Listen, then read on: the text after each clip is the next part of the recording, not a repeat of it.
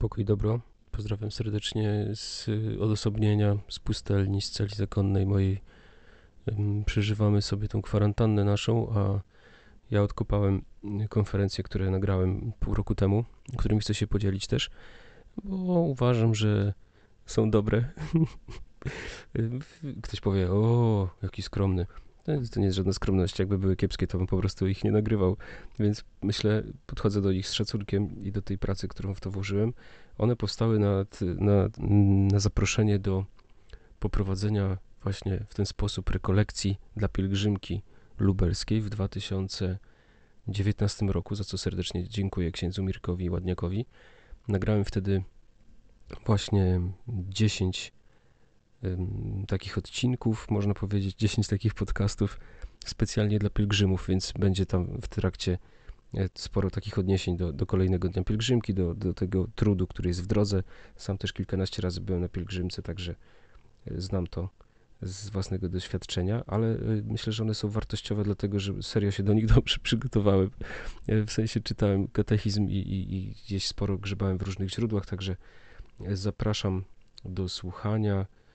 E, dziękuję też Maćkowi za, za oczyszczenie tego, bo nagrywałem to wtedy w jakiś taki dziwny sposób i brzmiało to kiepsko. Maciek to, to wziął i wyczyścił, także kolejne części też będę, będą się tutaj regularnie pokazywać.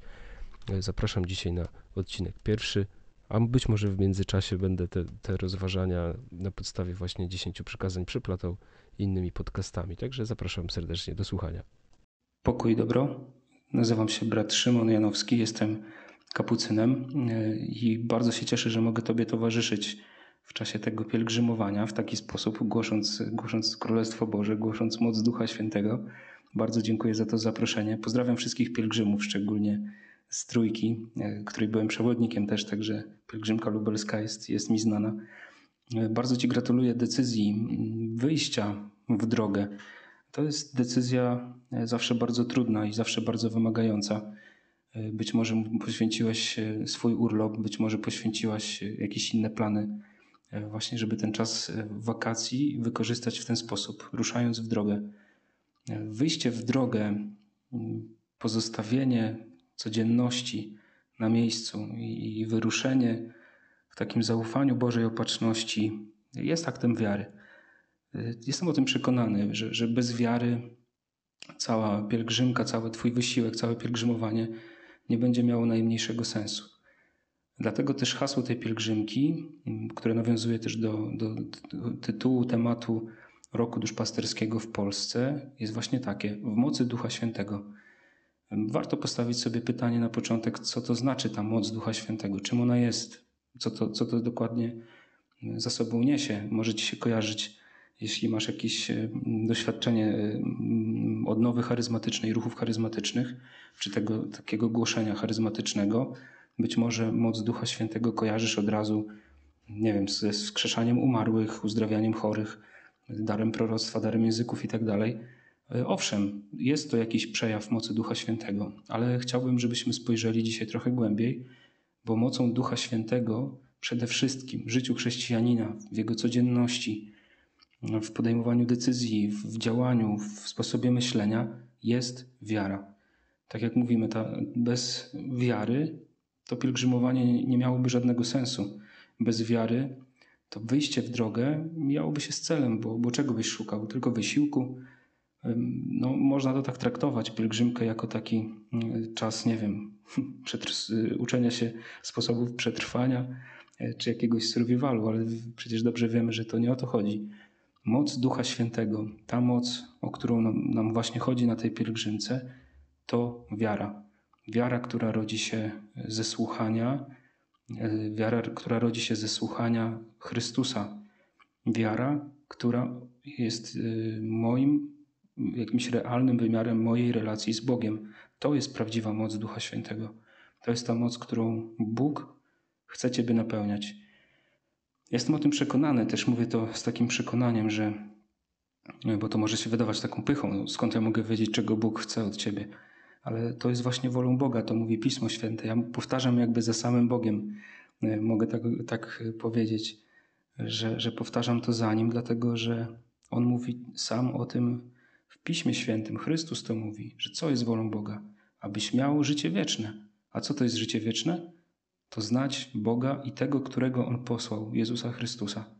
I to jest życie w mocy Ducha Świętego, kiedy Ty decydujesz się poznawać Boga coraz bardziej. W czasie tych y, kolejnych konferencji, w czasie, w czasie naszych spotkań w takiej formie, dla mnie trochę niezwykłej, bo generalnie głoszę twarzą w twarz, a tu mamy takie duszpasterstwo trochę radiowe, czy nawet jak, jak podcast, coś w tym rodzaju. Więc w czasie tych naszych spotkań będziemy opierać się na przykazaniach. I dzisiaj pierwsze przykazanie: Nie będziesz miał bogów cudzych przede mną, i ten temat, ta tajemnica dnia, żywy i prawdziwy.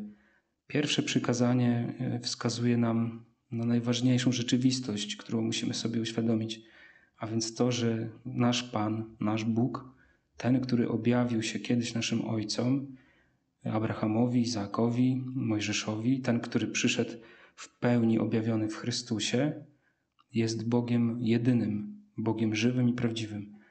I ten Bóg, który jest Bogiem prawdziwym, przychodzi z takim, można powiedzieć, oczywistym wezwaniem, że nie będziesz miał bogów cudzych przede mną. Brzmi to trochę jak groźba. Być może to tak ktoś może kojarzyć jak taką przestrogę, że nie masz prawa oddawać czci innym bogom. Ja w tym widzę bardziej taką, takie pełne miłości przestrogę, czy, czy właściwie takie uświadomienie, że no nie ma innych bogów człowieku, że, że gonisz za różnymi bożkami, gonisz, za e, różnymi iluzjami, robisz sobie bożki z różnych rzeczywistości w swoim życiu, podczas gdy tych bogów po prostu nie ma i narażasz się na śmieszność, oddając im cześć. O tym jeszcze będziemy mówić e, w kolejnych dniach, co takim bożkiem w moim życiu może być. Tym pragnieniem Boga, to też ważne, jest to, aby wyprowadzić mnie z domu niewoli.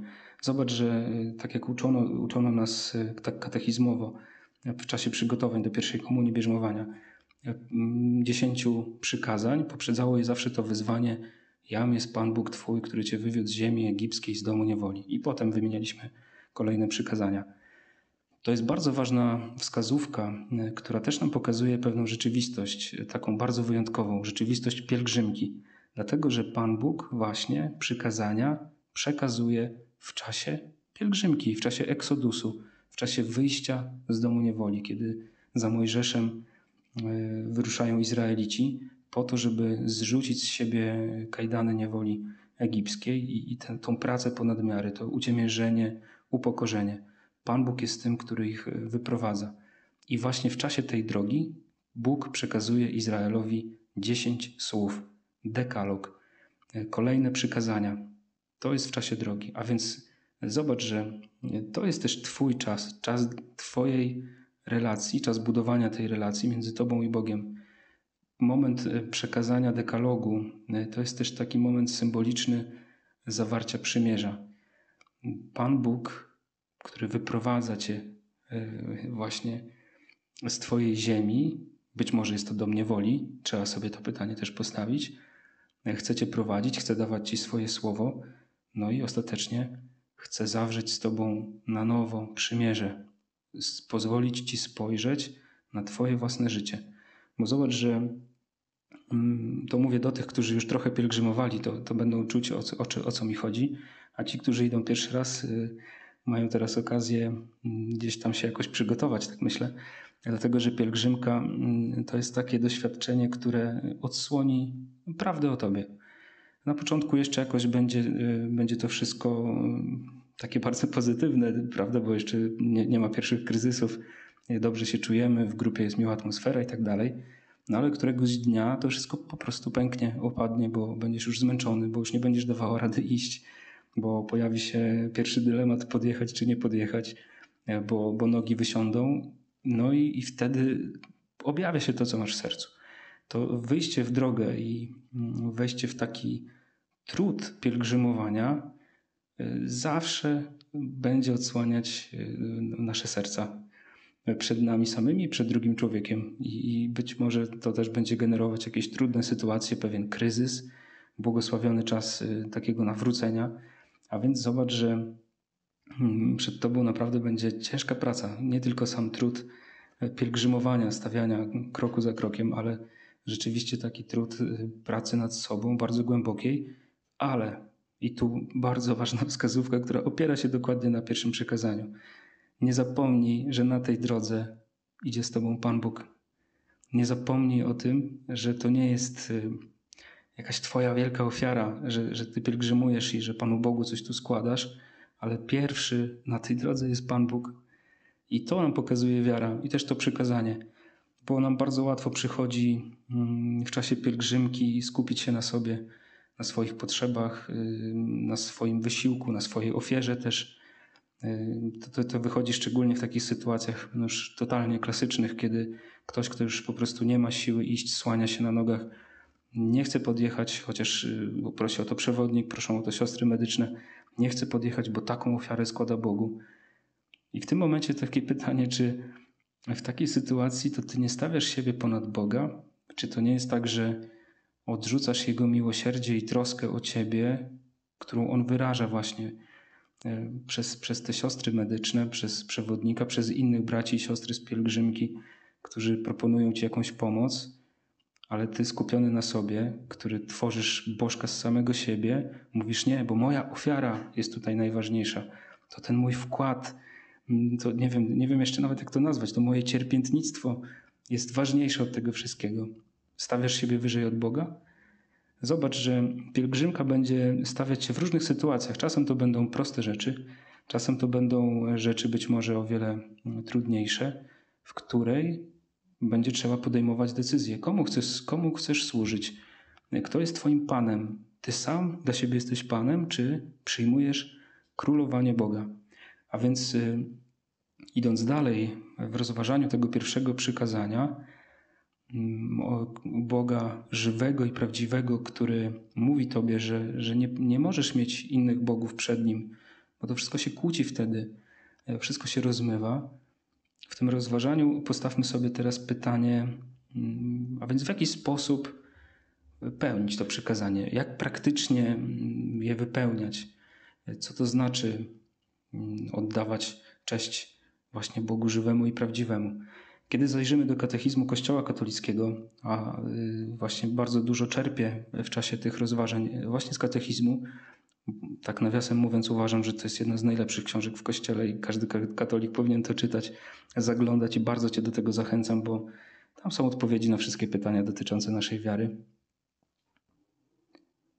Więc kiedy zajrzymy do e, katechizmu, to zobaczymy, że jako sposób realizacji pierwszego przykazania katechizm podsuwa adorację.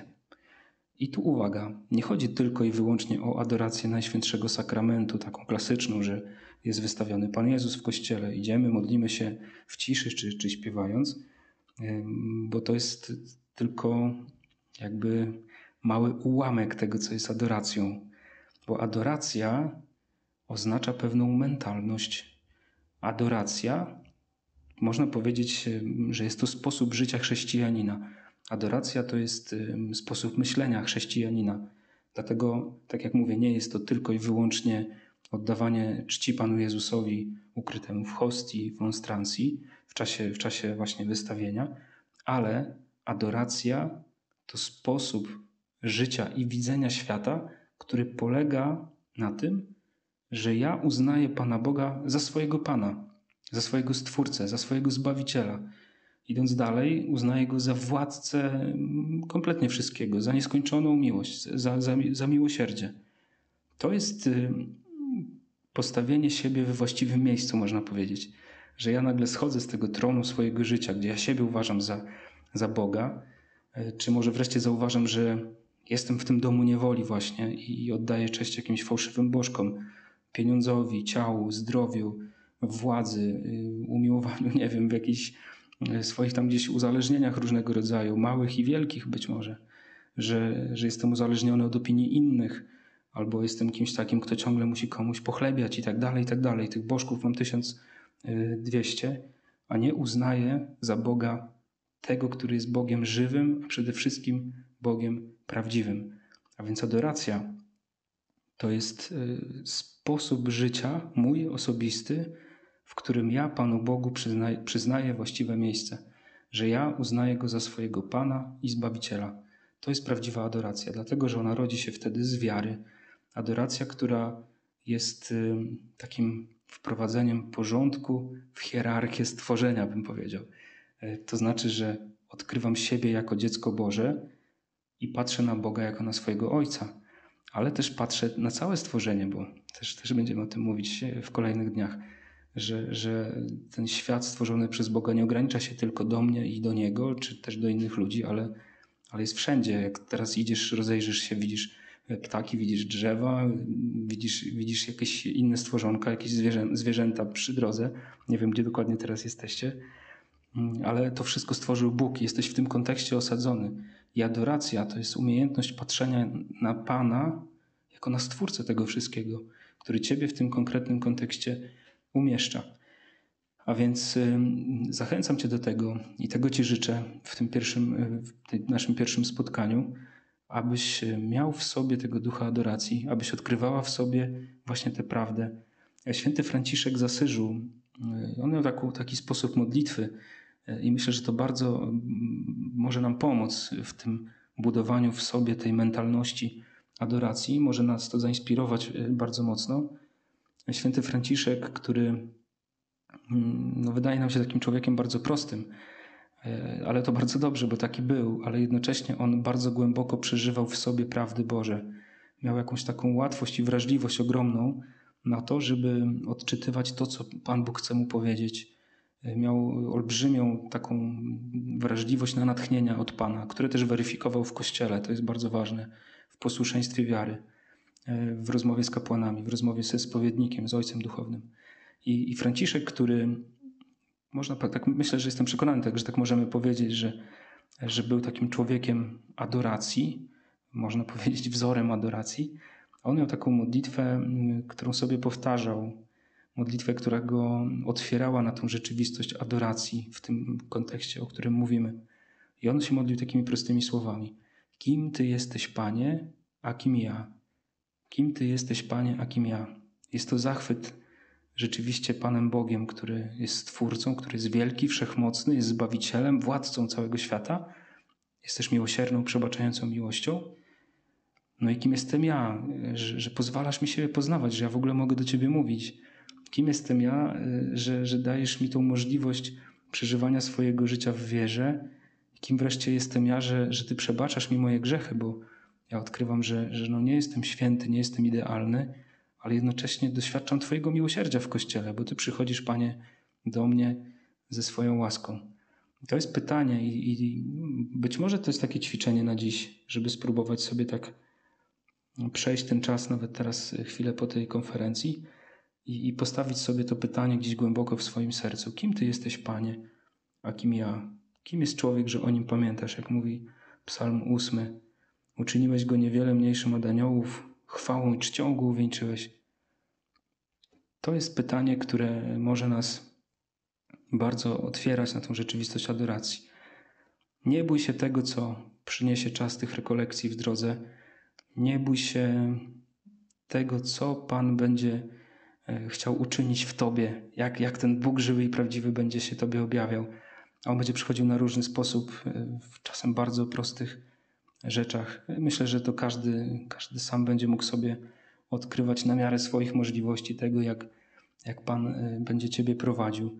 Życzę Ci właśnie takiej uważności, czujności na Słowo Boga, na Jego takie mikroobjawienia, które, które będzie chciał Ci dawać, po to, żeby Cię przybliżać do siebie. Życzę Ci serca otwartego na adorację dzisiaj, bo to myślę jest bardzo ważne. Y, I życzę Ci odwagi, żeby to wszystko przyjmować, aby pełnić wolę Boga. A wola Boga jest taka, żebyś go znał. Tak mówi Ewangelia Jana. Abyś mogła i mógł poznać y, Boga, który przychodzi jako żywy i prawdziwy. Na koniec y, konferencji dzisiejszej chcę, chcę zaproponować Ci, oprócz już wspomnianego y, tego ćwiczenia, takiej modlitwy, kim Ty jesteś, Panie, kim ja, takie krótkie, mm, krótko, krótkie ćwiczenie, nie wiem jak to nazwać, taką inspirację, żeby sobie pomyśleć po prostu w czasie drogi, w, w chwili ciszy po konferencji właśnie o tej rzeczywistości niewoli. Bo żeby odkryć Pana jako tego, który mnie uwalnia, to muszę zobaczyć, że jestem niewolnikiem. E, Czasem tak jest, że żyjąc e, w niewoli, w jakiejś klatce, przestajemy widzieć kraty. I to jest dramat, bo wtedy człowiek myśli, że to jest jakby cały jego obszar. To jego więzienie jest całym światem i przestaje widzieć kraty, które go zniewalają. A więc chcę Cię dzisiaj poprosić o to, żeby, e, żebyś sobie pomyślał, żebyś pomyślała sobie o tym, co jest Twoją niewolą, do czego jesteś przywiązany.